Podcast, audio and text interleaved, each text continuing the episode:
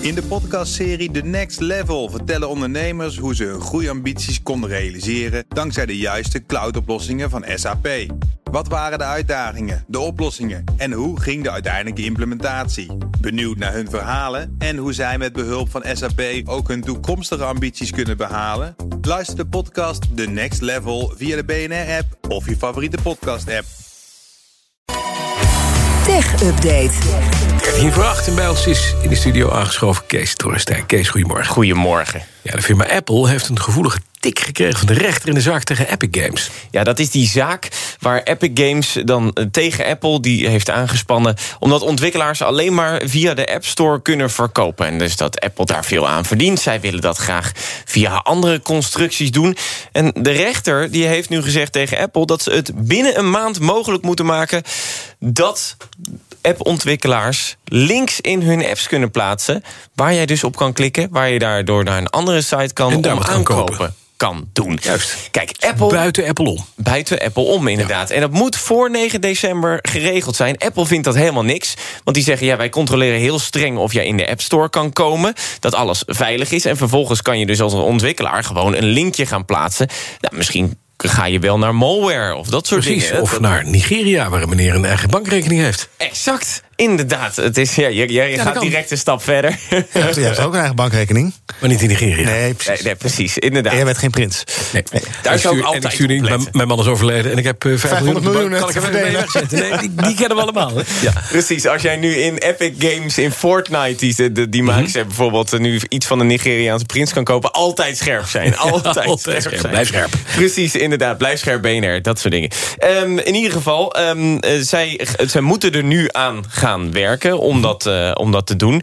De techreus die zegt eigenlijk... eh, wij hebben een soort van onbepaalde ho- hoeveelheid tijd nodig... maar de rechter zegt, doordat jullie dat hebben gevraagd... zouden jullie eigenlijk jaren mee bezig kunnen zijn. En ik zeg nu, je moet dit 9 binnen december. een maand Doei. fixen. De advocaat van, Apple, of van Epic die zegt nu trouwens...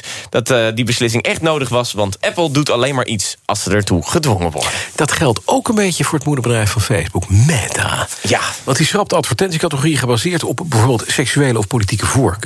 Exact. En dan denk je toch, zijn ze bezig met eh, die, die rebranding. hè? Precies, Het aan allemaal het beter witwassen. en netter. Nou ja, wel, nou niet eens witwassen, want je mag straks niet meer adverteren op kleur. Bijvoorbeeld. Ja, dat was het grapje inderdaad. Ja, dat, eh, Oké. ja dat, precies. Dat is, ja, ik, ik leg hem even Ja, uit. Want ja, grap precies. wordt altijd beter als je hem uitlegt. Ja. Dank je. Sorry. Oké, eh, Meta heeft in ieder geval op zijn businessblog aangekondigd... dat adverteerders in ieder geval niet meer op specifieke categorieën... getarget op vaak kwetsbare doelgroepen... eh, kunnen adverteren op Facebook en Instagram. Eh, denk bijvoorbeeld op basis van geloof... op basis van je seksen, afkomst, politieke voorkeur... je gezondheid. Dat kan allemaal niet meer. Dus als voorbeelden LHBTI-cultuur... daar mag je niet meer op targeten. Joodse feestdagen mag ook allemaal niet meer. Vanaf januari volgend jaar gaat deze maatregel in. En dat doen ze omdat er natuurlijk al heel lang geklaagd werd... dat je deze specifieke doelgroepen eigenlijk in kaart kan brengen... doordat mensen op categorieën klikken... en dan weet je, oh, dat zal vast een zwarte man of vrouw zijn... die erg geïnteresseerd is...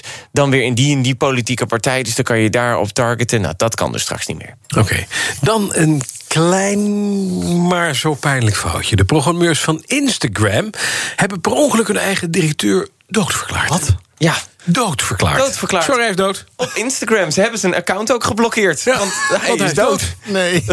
Dat is heel grappig. En het allermooiste is... Maar hij liep gewoon naar de koffieautomaat, maar dat is niet Ja, erg. dat denk je toch ook inderdaad van... ga even naar boven. Eh, Zou de Kijk directeur even, er zitten? ben je dood? Want je Kijk. ziet er nog best levendig uit. Ja. of bel desnoods de secretaris of de secretaresse eventjes... van, hey, eh, loopt hij nog rond? Is alles wel oké? Maar Want nee, maar krijg wat is er gebeurd? Hoe kan dit? Ja, dit is eh, een bericht van Motherboard, erg smeuig. eh, en het gaat over de remembering-functie. Die functie heeft Instagram heel snel uitgerold tijdens de pandemie...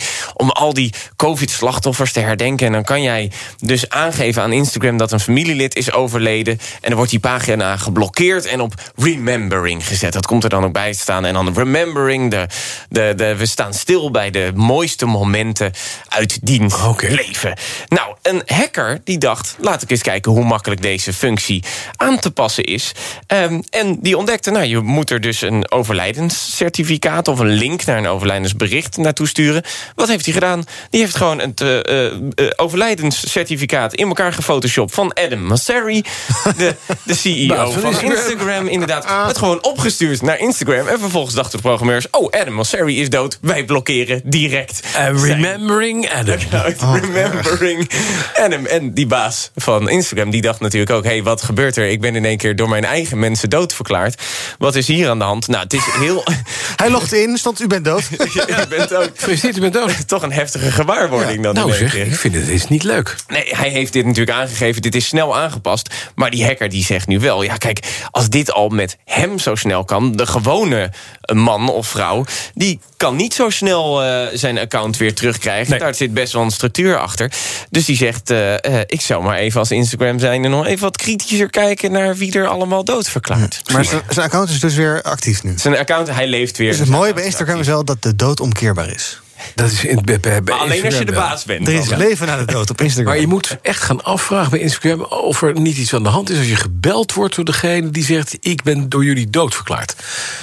Ja, ja, en dat dan diegene dan ook jouw baas is. Ja. Ik, ik denk dat, dan weet je al dat er iets aan de hand is. Het eindejaarsgesprek Anders bellen ze niet, meer zo lekker, hè? Nee, denk ik ook niet. En dat ook niemand heeft gedacht van... god, die naam die doet me bekend. Het is onze eigen baas, zou dat wel kloppen? Je weet het niet. Welke collega... Nou, nee, goed. Ja. Dankjewel, Kees De BNR Tech Update wordt mede mogelijk gemaakt door Lenklen. Lenklen. Betrokken expertise, gedreven resultaten. In de podcastserie The Next Level vertellen ondernemers hoe ze hun groeiambities konden realiseren dankzij de juiste cloudoplossingen van SAP. Wat waren de uitdagingen, de oplossingen en hoe ging de uiteindelijke implementatie? Benieuwd naar hun verhalen en hoe zij met behulp van SAP ook hun toekomstige ambities kunnen behalen? Luister de podcast The Next Level via de BNR-app of je favoriete podcast-app.